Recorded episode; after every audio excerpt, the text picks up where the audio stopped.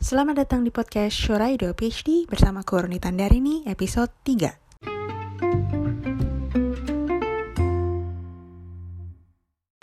Halo semuanya, terima kasih sudah kembali ke episode ketiga di podcast Shuraido PhD bersama Kurni Tandarini. Episode kali ini aku mau menceritakan soal bagaimana perjalanan aku untuk mengejar uh, sekolah dan beasiswa studi S3 uh, di episode pertama juga aku udah cerita kalau it took me like nearly two and a half years, dua setengah tahun dari awal banget aku niat untuk S3 sampai akhirnya aku bisa dapat uh, bisa dapat uh, beasiswanya dan kepastian juga sekolah. Jadi di episode ini hmm, aku mau cerita uh, secara detail uh, empat attempt aku, empat usaha aku untuk uh, mendaftar di empat uh, organisasi beasiswa yang berbeda-beda. Jadi keep listening.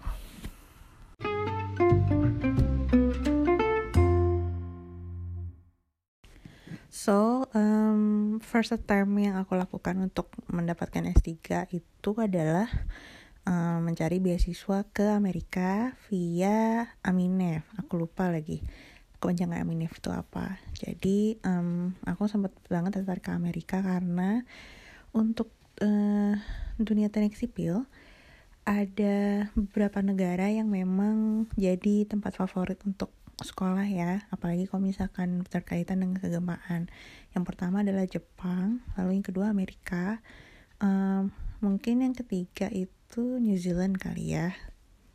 Uh, uh, terus uh, Amerika ini jadi salah satu tujuan pertama aku karena memang aku sampai sekarang punya cita-cita pengen menginjakan kaki di Amerika karena I used to think that the country is really great. Well it's still great tapi ngelihat presidennya sekarang ya ada gimana gitu ya. So um, via Minef ini um, teman-teman kayaknya bisa cek juga persyaratannya gimana. Um, aku kalau nggak salah itu aku mempersiapkan dokumen-dokumen seperti uh, tes TOEFL IBT terus uh, menulis kayak cover letter terus um, menyiapkan legalisasi ijazah S1 dan S2 lalu um, uh, apalagi ya agak agak agak lupa aku.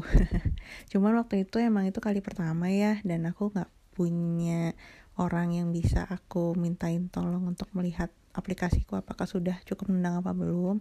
Karena Aminef ini merupakan salah satu um, beasiswa dengan tingkat kompetitif yang tinggi apalagi ini Amerika ya. Nah aku tertarik di Aminef adalah aku nggak mesti keterima dua sekolahnya karena um, kalau misalkan kita sudah lolos seleksi Aminef si um, organisasi Aminef ini akan membantu kita untuk uh, membimbing kita dalam memasukkan aplikasi seperti yang seperti um, belajar GRE atau aduh lupa lagi uh, ininya apa kebanyakannya apa. Terus um, GRE atau GMAT lalu uh, mereka akan membimbing kita untuk memilih universitas mana yang kira-kira nih pas dengan kemampuan kita gitu. Kan dan uh, dan sekolah-sekolah di Amerika itu juga tingkat kompetisinya juga sangat tinggi ya. Jadi emang harus dipersiapkan secara detail dalam gak cuman dari track record kita tetapi juga uh, surat rekomendasi sama surat pernyataan uh, yang yang isinya menceritakan tentang apa motivasi kita, motivasi kita, apa dasar kita untuk memilih universitas dan jurusan tersebut, dan apa yang akan kita lakukan setelah kita um, mendapatkan gelar master di sana. Selain itu juga kita mesti nulis kualitas diri kita sih gitu. Uh, I'm strong, I'm strong willed. Um, dan lain sebagainya lah. Intinya uh, aplikasi beasiswa itu adalah yang terpenting adalah harus bisa menjual dirinya gitu. Dan aku apply di Aminef aku antar sendiri tuh surat aplikasinya ke gedung. Waktu itu kayaknya se gedung saya Miniaga deh.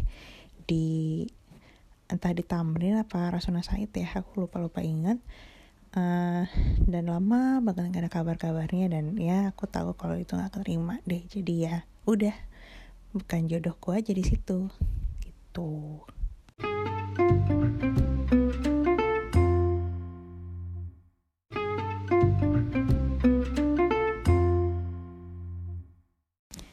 Nah, yang kedua adalah aku mencoba untuk mencari beasiswa via kedutaan Jepang atau yang terkenal disebut oleh membuka gakusho.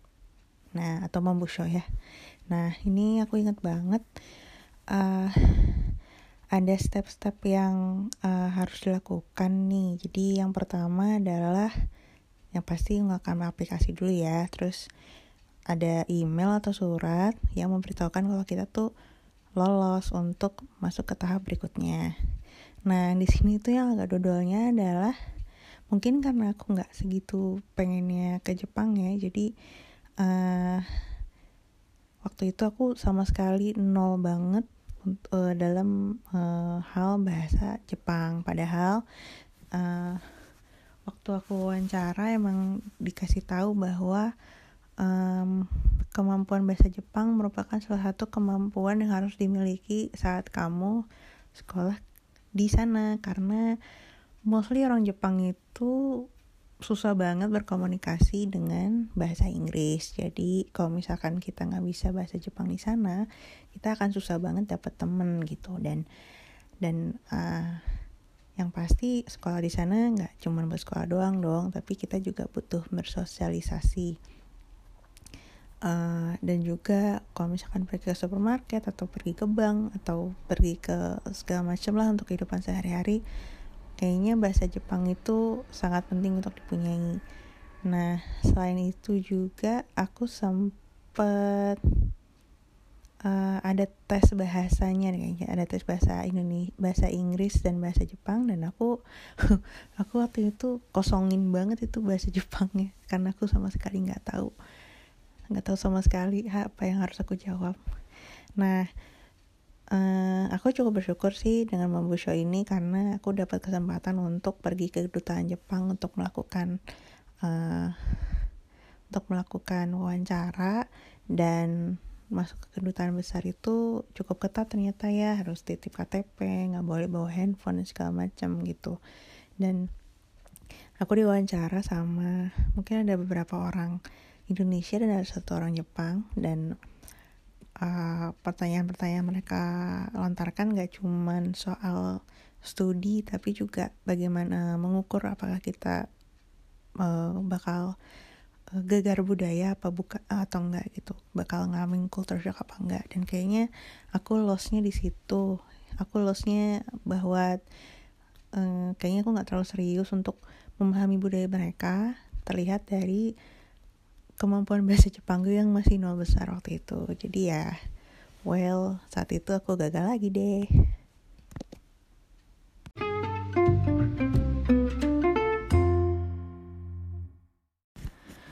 Usaha ketiga aku untuk mendapatkan beasiswa adalah um, mendaftarkan diri aku ke aplikasi beasiswa JICA. Ini kalau nggak salah beasiswa kerjasama antara Jepang dan Indonesia dan waktu itu ITB menjadi uh, salah satu institusi bridging uh, untuk beasiswa ini. Nah, di sini kayaknya kalau boleh cerita aku mulai agak ragu deh untuk apply ke Jepang karena um, setelah ngobrol-ngobrol sama teman uh, ada yang menyarankan bahwa uh, kalau misalkan bisa nggak Jepang gak usah ke Jepang deh gitu karena adanya uh, kultur hierarki yang sangat kuat di sana. Jadi uh, misal uh, kamu harus selalu ada di lab sebelum supervisornya datang dan kamu harus stay di sana sampai supervisornya pulang. Dan waktu itu juga kayaknya aku baru nggak sih uh, kultur antara senior dan junior itu masih cukup kental ya gitu. Ya mirip Indonesia sih cuman kayaknya lebih lebih kental aja gitu. Dan waktu itu aku sudah merasa ada feeling gak enak dalam artian ngerti kan kalau misalkan kita mau melakukan sesuatu tapi kita nggak ngerasa serk untuk untuk menjalankannya itu. Nah aku merasakan hal itu di situ gitu. Aku merasa bahwa kayaknya kalau misalkan aku mau S3 dan aku melakukan di Jepang ya ada aku stres berat karena um, aku tahu bahwa aku kayaknya jelek banget gitu kalau misalkan um, harus perform di bawah di bawah ketekanan kultur seperti itu dan uh, dan kayaknya segala kegalauan dan doaku dan pertanyaanku itu terjawab dengan tidak lolosnya aku di JICA. Nah, di JICA ini aku belum sampai tahap wawancara sih karena aku sudah ngirim aplikasinya. Lalu kayaknya aku nunggu berapa lama tapi nggak ada kabar-kabarnya gitu setelah sebulan, dua bulan, tiga bulan. And at the time I think like oh maybe I should let that go about thinking uh, having a PhD in Japan gitu karena deep down aku tahu kalau misalkan negara itu tuh bukan buat aku untuk hidup gitu. Ya kalau buat liburan sih aku masih pengen banget ke Jepang gitu. Itu salah satu bucket listku sih karena aku seneng banget sama kultur Jepang. Tapi untuk hidup di sana mikir dulu deh gitu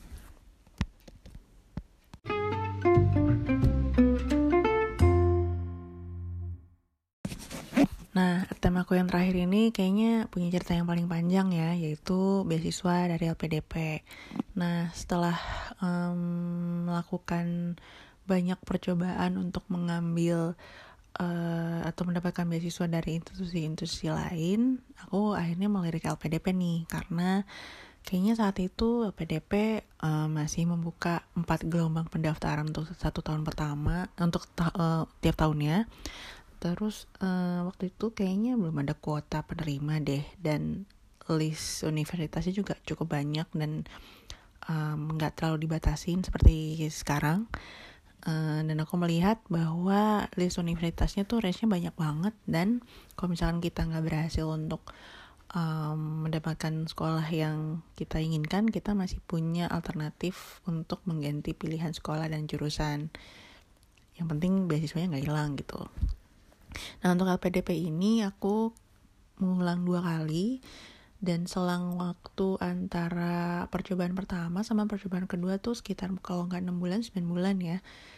Uh, dan untuk attempt yang pertama ini kegagalan LPDP-nya bikin aku cukup down karena aku merasa kok kok aku nggak bisa dapat beasiswa ya aku udah berusaha cukup panjang gitu dan banyak yang udah aku lakukan seperti kayak belajar TOEFL IBT lagi lalu belajar GRE ikut tes GRE-nya dan uh, banyaklah persiapan yang sudah aku lakukan tapi kok nggak dapat dapat juga gitu. Nah um, untuk attempt yang pertama aku tuh kayaknya uh, apply di bulan September 2014 I guess dan waktu itu aku um, daftar bersama temanku. Dan dan temanku ini teman baikku banget gitu. Uh, waktu itu um, persiapanku yang agak aneh sih karena uh, untuk APDP kan ada beberapa dokumen yang kita harus submit yang kita harus masukkan. Uh, selain kayak ijazah, TOEFL IBT dan segala macam kita kita harus memasukkan seperti dua esai. Kalau dua esai yang pertama sukses untuk untukku sama sukses terbesar bagiku sama satu lagi intinya isi tentang pengabdian ke negara mungkin ya aku lupa. Nah waktu itu kayaknya aku masih bego aja gitu bahwa aku masih belum pintar untuk menyusun narasi um, narasiku sendiri yang bisa menarik buat pewawancara gitu. Karena waktu itu um, aku berpikir aku pengen sekolah di Eropa nih gitu. Aku pengen sekolah di Eropa. Jadi uh, aku pilih Belanda. Dan tahu nggak uh, alasannya apa aku pengen Eropa? Biar aku bisa jalan-jalan. Karena di Eropa itu kan negaranya juga mepet-mepet apalagi kalau mendapatkan dapat visa Schengen gitu aku udah kebayang misalnya oh musim panas mau pergi ke, ke Perancis mungkin pergi ke Inggris dan segala macam itu pikiran waktu waktu waktu itu. Nah salahnya aku adalah bahwa aku bilang di esai aku kalau misalkan aku mau belajar soal baja tapi di Belanda itu spesialisasi sipilnya tuh nggak di struktur baja gitu dan aku asal banget tuh nulis pilihan universitasnya ke Delft ke Universitas uh, Belanda di Delft gitu. Dan aku bilang aku pengen baja uh, spesialisasi baja apalagi kalau untuk um, aplikasi S3 itu kayaknya harus memasukkan proposal penelitian juga gitu. Meskipun proposal penelitian yang nggak benar nggak belum tentu akan dipakai di studi nanti tapi kayaknya mereka ingin tahu gitu um, visi kita untuk studi kita tuh kayak gimana. Nah aku inget banget aku dipanggil wawancara dan wawancara itu pendek banget cuman 15 menit kayaknya. Karena kayaknya aku tidak bisa memberikan jawaban-jawaban yang memuaskan atau yang menarik mereka sehingga mereka bisa bertanya lebih banyak gitu. Dan selain itu ya itu tadi storynya tuh nggak full circle antara aku pengen belajar apa sama tujuan universitasnya gimana gitu. Kayaknya aku juga melakukan persiapan uh, untuk beasiswa LPDP juga terburu-buru ya. Jadi emang gak bagus banget gitu.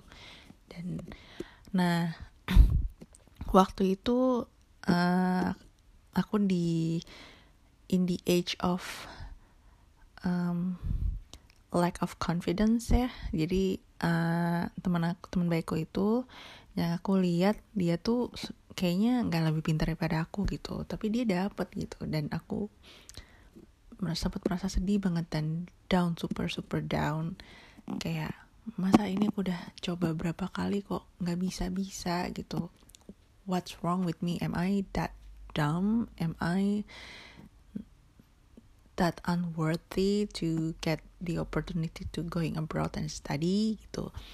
Dan um, hal itu membuat aku berhenti untuk berusaha atau malah berhenti untuk even memikirkan uh, kesempatan untuk beasiswa uh, sekolah keluar selama mungkin enam bulan kali ya. Dan itu bikin sempat bikin ibuku frustrasi gitu. Karena ini, ini maunya apa sih? gitu. Well tapi akhirnya um, setelah melihat ada teman-teman lain juga yang tetap masih tetap berusaha untuk um, mencari beasiswanya mereka gitu aku berpikir bahwa oke okay, kayaknya ini bukan saatnya aku untuk berhenti coba deh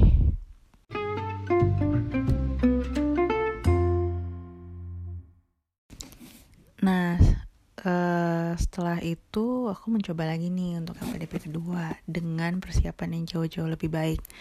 Uh, karena aku menyadari kesalahan aku kemarin yaitu aku nggak bisa menjual narasiku sehingga bisa meyakinkan mereka kalau aku tuh punya misi loh gitu. Uh, untuk sekolah keluar I have a a, good plan. Uh, I have, I know what I want to achieve jadinya aku mempersiapkan semuanya uh, lebih baik Nah, kalau aku kalau aku boleh jujur, aku tidak mem aku tidak membuat esai baru. Esai yang aku pakai itu esai yang lama karena setelah dibaca-baca itu um, masih menggambarkan diriku yang sebenarnya sih gitu. I I aku menulisnya dengan dengan sangat tulus dan sangat pure uh, tentang tentang definisi tentang definisi um, uh, kesuksesan bagi aku dan um, pengabdian terhadap Indonesia. Nah, satu-satunya hal yang aku ganti adalah pilihan universitasnya. Waktu itu aku masih masukin Jepang sebagai pilihan universitasku karena itu adalah uh, pilihan universitas yang logik dan match dengan narasi um, studi aku dan narasi plan aku ke depan. Dan kayaknya aku waktu itu masih masih kegalau apakah untuk milih Jepang apa enggak gitu. Dan toh waktu itu aku masih berpikir bahwa oke okay, I can say whatever university that I wanted.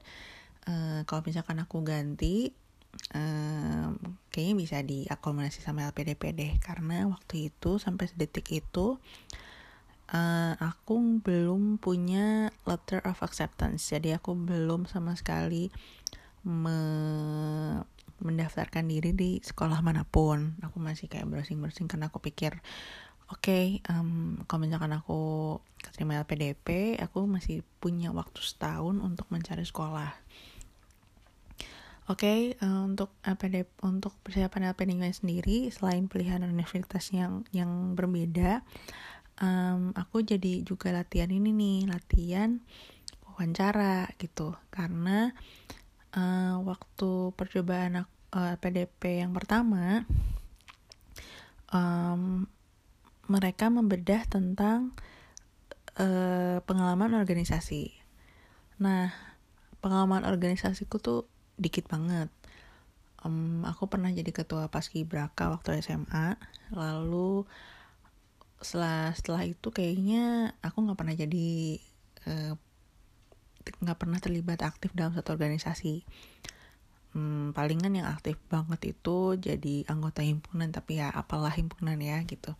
Cuma untungnya aku punya um, pengalaman organisasi di majalah Kremona yang diterbitkan oleh himpunan mahasiswa teknik sipil ITB aku waktu itu jadi sekretaris dan dan waktu itu aku merasa bahwa kinerja aku tuh cukup krusial ya karena aku seperti mencatat notulensi lalu um, mengkoordinasikan apa tugas-tugas dari divisi-divisi yang bekerja atau terlibat di majalah tersebut gitu. Dan kita dan kita berhasil menerbitkan satu edisi gitu. Dan I'm really proud about that.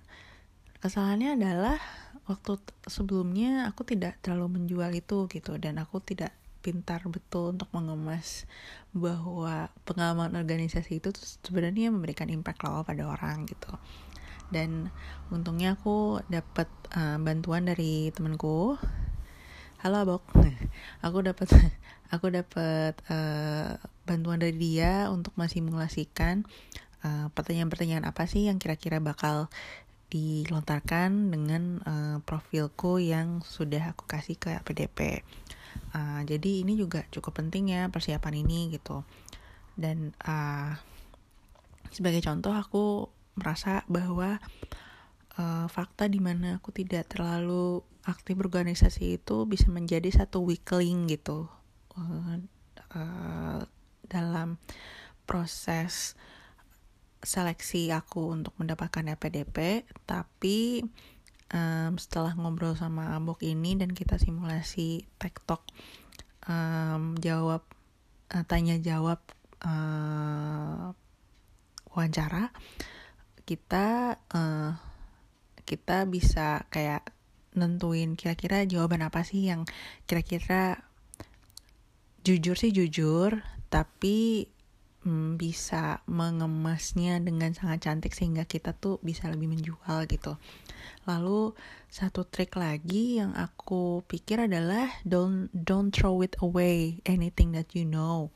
Misal kita um, punya visi dan punya uh, rencana, oke okay, aku mau uh, uh, riset tentang baja, lalu baja ini bisa um, digunakan untuk masyarakat luas karena baja memiliki uh, keunggulan-keunggulan seperti uh, biaya uh, waktu konstruksi yang lebih cepat daripada beton lalu um, strukturnya juga bisa jadi lebih fleksibel yang masih lebih bisa resisten terhadap gaya gempa dan gimana gitu. Dan tanpa aku bilang rencana aku untuk menjadi dosen gitu.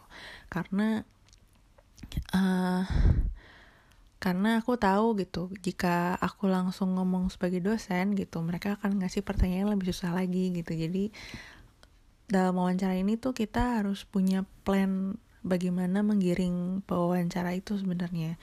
Um, pertama menggiring opini dulu lalu kita harus pintar menggiring mereka untuk menanyakan pertanyaan yang kita tahu jawabannya apa. Dan itu itu bukan trik sih itu taktik. Karena apa karena uh, itu adalah salah satu cara untuk mempersiapkan diri dalam apa pun ya gitu. Kita harus bisa kritis ke diri sendiri. Kira-kira apa sih pertanyaan-pertanyaan yang muncul uh, pada wawancara uh, beasiswa gitu. Dan aku me mengaplikasikan hal itu dan dan aku tahu gitu kalau aku tuh uh, ber berperformnya jauh-jauh lebih baik di ATM aku LPDP yang kedua ini gitu. Dan aku tahu aku lebih bagus tapi ya tetap aja ya ruas gitu. Dan uh, akhirnya kayaknya sebulan kemudian waktu itu aku lagi jalan-jalan sama orang tua aku dan aku dapat email bahwa aku keterima di beasiswa PDP ini dan wow it was so amazing.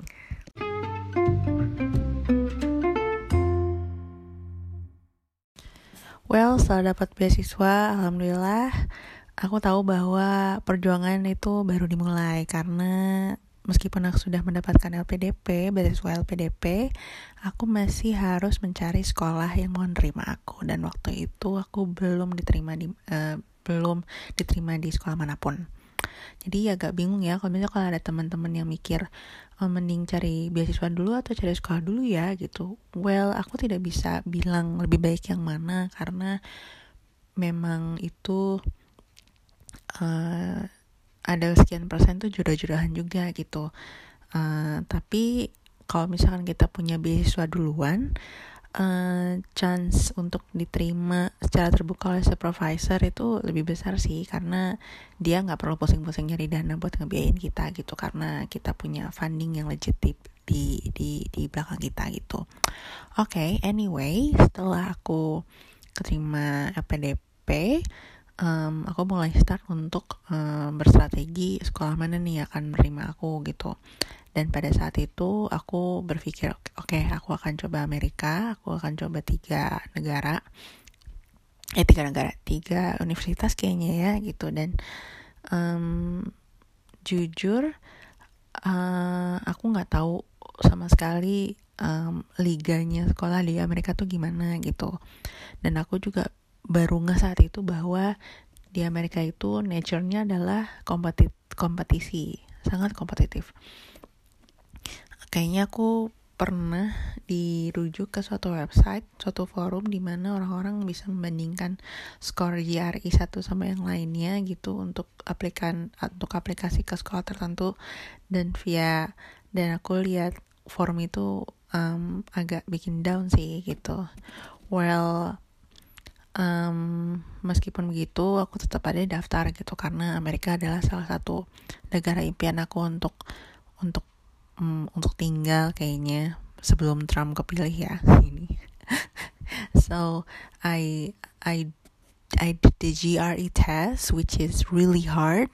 It I think the test itself took four hours in total and it gave me a really bad headache afterwards karena 4 jam tuh it's such a long run. Dan dan susah banget gitu. Dan aku belajarnya juga nggak maksimal karena waktu itu aku masih sambil kerja. Dan aku nggak ikut les apa pun. Aku pure belajar sendiri dari online. Uh, ada namanya Magush M A G O O S H SH itu bagus banget kontennya. Hmm, berbayar sih tapi aku pikir buat teman-teman yang pengen banget ke Amerika itu cukup worth it untuk untuk untuk try untuk dipelajari sih gitu. Well setelah Amerika um, aku masih berpikir ini Jepang apa enggak ya gitu. Kayak saat itu ada rasa yang malas yang sangat luar biasa untuk daftar ke Amerika ke Jepang. Karena untuk ke Jepang itu prosesnya lebih ribet ya lebih ribet dalam artian kamu baru bisa proceed untuk daftar ke universitas kalau misalnya kita udah fix dengan supervisornya. Nah, supervisor di sini, supervisor ini juga kayak beli kucing dalam karung ya, dan ini juga nggak berlaku untuk di Jepang doang, tapi di seluruh negara gitu. Uh, kayaknya aku coba email sekali tapi nggak dibales. Mungkin karena resume aku nggak cukup impresif buat dia kali ya. Dan um, kayaknya aku selalu menunda-nunda untuk mencari beasiswa yang aku untuk mencari sekolah yang kira-kira pas dengan cita-cita aku gitu. Sampai pada saatnya mau aku bertanya gitu nih kamu jadi nggak um, daftar ke Jepang? Gitu. Terus aku bilang jujur sama ibu aku bahwa aduh bu kok nggak serak ya? Gitu. Karena aku masih berpikir culture shock yang akan aku um, alami. Selain itu juga aku nggak tahu aku bakal beres apa aku bakalan beres apa enggak kalau misalkan aku di sana gitu. Dan ibuku bilang well kalau misalkan emang kamu nggak serak sih ya nggak usah dijalanin lah gitu. Jadi at that point I I give up to to take a degree in Japan gitu. Dan dan inilah saat di mana aku ngelirik New Zealand. Nah um, kebetulan ada salah satu dosen ITB namanya Profesor Bambang Budiono. Makasih Pak. Um, dia adalah salah satu dosen ITB dengan um, track record studi yang lain di yang lain di dibanding yang lain gitu. Lain daripada yang lain. Aduh. Um, jadi Pak Bambang Mudiono ini S1 di ITB, lalu S2-nya di University of Auckland, New Zealand. Lalu yang ketiga, S3-nya di di Australia. Aku lupa di di universitas mana. Nah, kebanyakan dosen-dosen teknik sipil ITB itu um, S3-nya di Amerika, Amerika semua uh, kecuali ada satu namanya Pak Iswandi ya gitu. Pak Iswandi um, S3-nya di Kanada Toronto. Uh,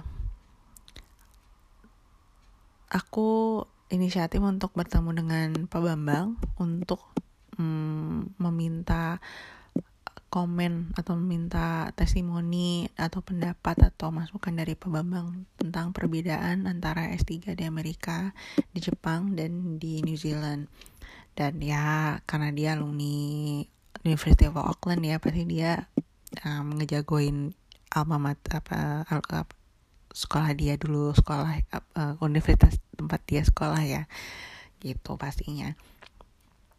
Well um, setelah ngobrol sama dia um, jadi lebih mantap sih untuk oke okay, aku coba New Zealand kali ya dan aku menghubungi salah satu dosen Uh, dan untungnya dia sangat responsif untuk menjawab email ya. Padahal uh, itu hari Sabtu. Aku kirim tuh hari Sabtu jam 12 siang.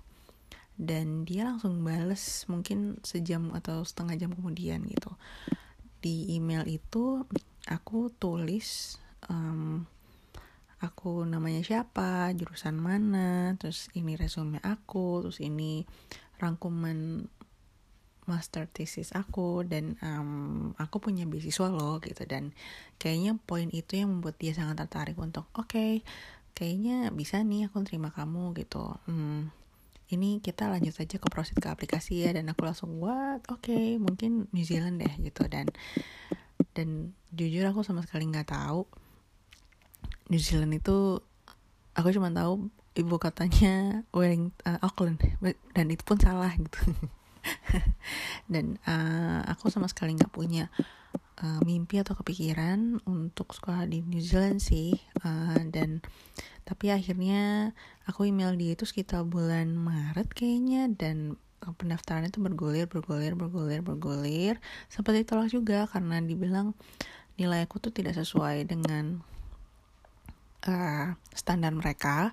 Tapi mereka sempat revoke lagi karena waktu itu aku iseng nanya um, oke okay, saya tahu bahwa aplikasi saya ditolak tapi bisa kasih tahu saya nggak ya standar yang kalian standar nilai yang kalian uh, pakai itu gimana? Karena saya ngerasa saya tuh nggak jelek-jelek amat deh gitu. Dan aku coba searching penyelenggaraan nilai dari Indonesia ke New Zealand tuh susah banget gitu di dicari di internet atau via Google Nah itu salah satu hal yang paling penting gitu.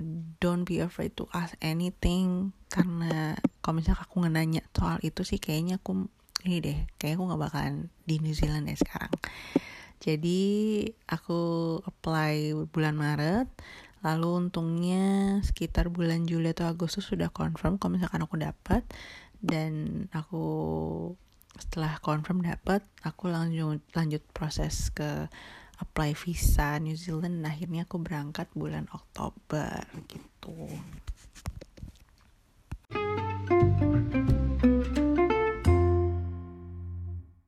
Nah itu full cerita aku dari awal cari beasiswa ke uh, cari sekolah ya and it it was a really lengthy story I think. Kayaknya ini podcastnya akan lebih dari 20 menit mungkin setengah jam kali ya. I don't know let's see lah. Tapi um, satu hal yang pasti bahwa perjalanan mencari sekolah itu apalagi sekolah S3 tuh nggak bakalan gampang. Karena seperti yang aku pernah sampaikan di episode pertama, perjalanan PhD itu adalah perjalanan yang sangat personal. Tapi meskipun personal, bukan berarti aku nggak bisa share nih, karena um, intisarinya sama kok gitu. Intisarinya adalah bagaimana kamu menjadi orang yang gigih untuk mengejar sesuatu dan kegigahan itu nggak dimulai dari saat kamu sekolah, tapi di saat dari um, proses pencarian kamu untuk mendapatkan beasiswa atau pencarian uh, atau mendapatkan sekolah karena kejadian yang aku alami saat ini tuh tidak hanya terjadi pada aku aja gitu tapi ini juga terjadi pada teman-teman uh, PhD student yang lain gitu. Um, aku punya roommate waktu itu namanya uh, Baruri uh, dan dia bercerita bahwa perjalanan dia untuk mendapatkan uh, beasiswa PhD juga sangat panjang karena awalnya dia uh, berniat untuk sekolah di Jerman, dia sudah daftar, sudah belajar bahasa Jerman, terus tapi nggak bisa, udah gitu dia um, kayak udah keterima dikti, tapi karena dia hamil dan kehamilan dia membuat uh, arrangement keberangkatan yang sangat sulit, akhirnya dia melepaskan beasiswa dikti itu gitu. Tapi ya siapa sangka gitu um, dia melepas beasiswa yang satu tapi ternyata dia punya kesempatan beasiswa yang lain gitu. Dan waktu itu dia dapat beasiswa dari NZAS dan kayaknya dia perjalanan beasiswanya mungkin nyari sekitar 3 atau 4 tahun ya. Jadi waktu aku mendengar cerita itu tuh um, aku berpikir bahwa memang um, sekolah S3 itu bukan untuk semua orang. Karena prosesnya sangat panjang. Dari awal um, niat terus uh, belajar untuk ngejar uh, nilai IELTS yang besar, lalu nyari beasiswanya, lalu nyari sekolahnya, dan kadang ada yang sudah ada supervisor yang fix tapi akhir dananya nggak ada jadinya nggak jadi gitu. Dan dan untuk konteks dunia aku juga punya temen yang asalnya dari Iran dan dia itu sudah berproses dari awal niat oke okay, aku mau S3 sampai akhirnya berangkat itu mungkin total 3 atau 4 tahun ya atau lima tahun mungkin. Karena um, karena kondisi geopolitik saat ini ya mostly Iranians doesn't have the same chances um, karena their countries has a lot of enemies. Um, tanda kutip uh, tapi mereka orangnya baik loh um, dan dia nyari beasiswa dia nyari sekolah ke Australia dulu terus ke New Zealand terus dia mencari um, universitas yang bisa memberikan dia beasiswa yang pastinya karena dia dia karena dia nggak punya nggak punya uang sebanyak itulah untuk biaya diri sendiri Lalu habis itu setelah keterima di Universitas Auckland, dia menunggu visanya tuh selama setahun gitu. Setahun loh, setahun sampai dia hampir lupa kalau dia apply beasiswa. Tapi akhir uh, apply visa, tapi akhirnya dia berangkat dan hari ini dia um, sudah sedang mempersiapkan untuk submission tesisnya. So you have to realize that the journey will be long dan um, dan aku yakin kalau misalkan teman-teman emang berjodoh dengan rezeki sekolah S3 ini pasti ada jalannya kok asal kita nggak berhenti untuk um, mencoba dan berusaha gitu.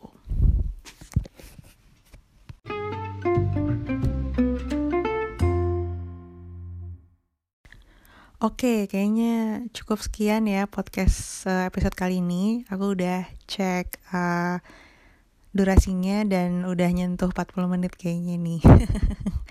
ya, yeah, I know it is a long one kan dan karena ke-cover uh, banyak topik di sini dan aku, tapi aku berharap bahwa uh, cerita aku ini bisa bermanfaat buat teman-teman. Well, don't get me wrong uh, I don't mean to discourage you to apply for PhD karena uh, deep down inside my heart I will always support young people not only young people like all the people who wants to pursue a PhD student because um, PhD degree because we need more PhD in our countries Indonesia uh, lalu kalau misalkan ada kesempatan untuk sekolah di luar negeri it will be great karena nggak cuman degree doang yang bakal kita dapat tapi juga uh, pengalaman hidup yang nggak bernilai harganya gitu.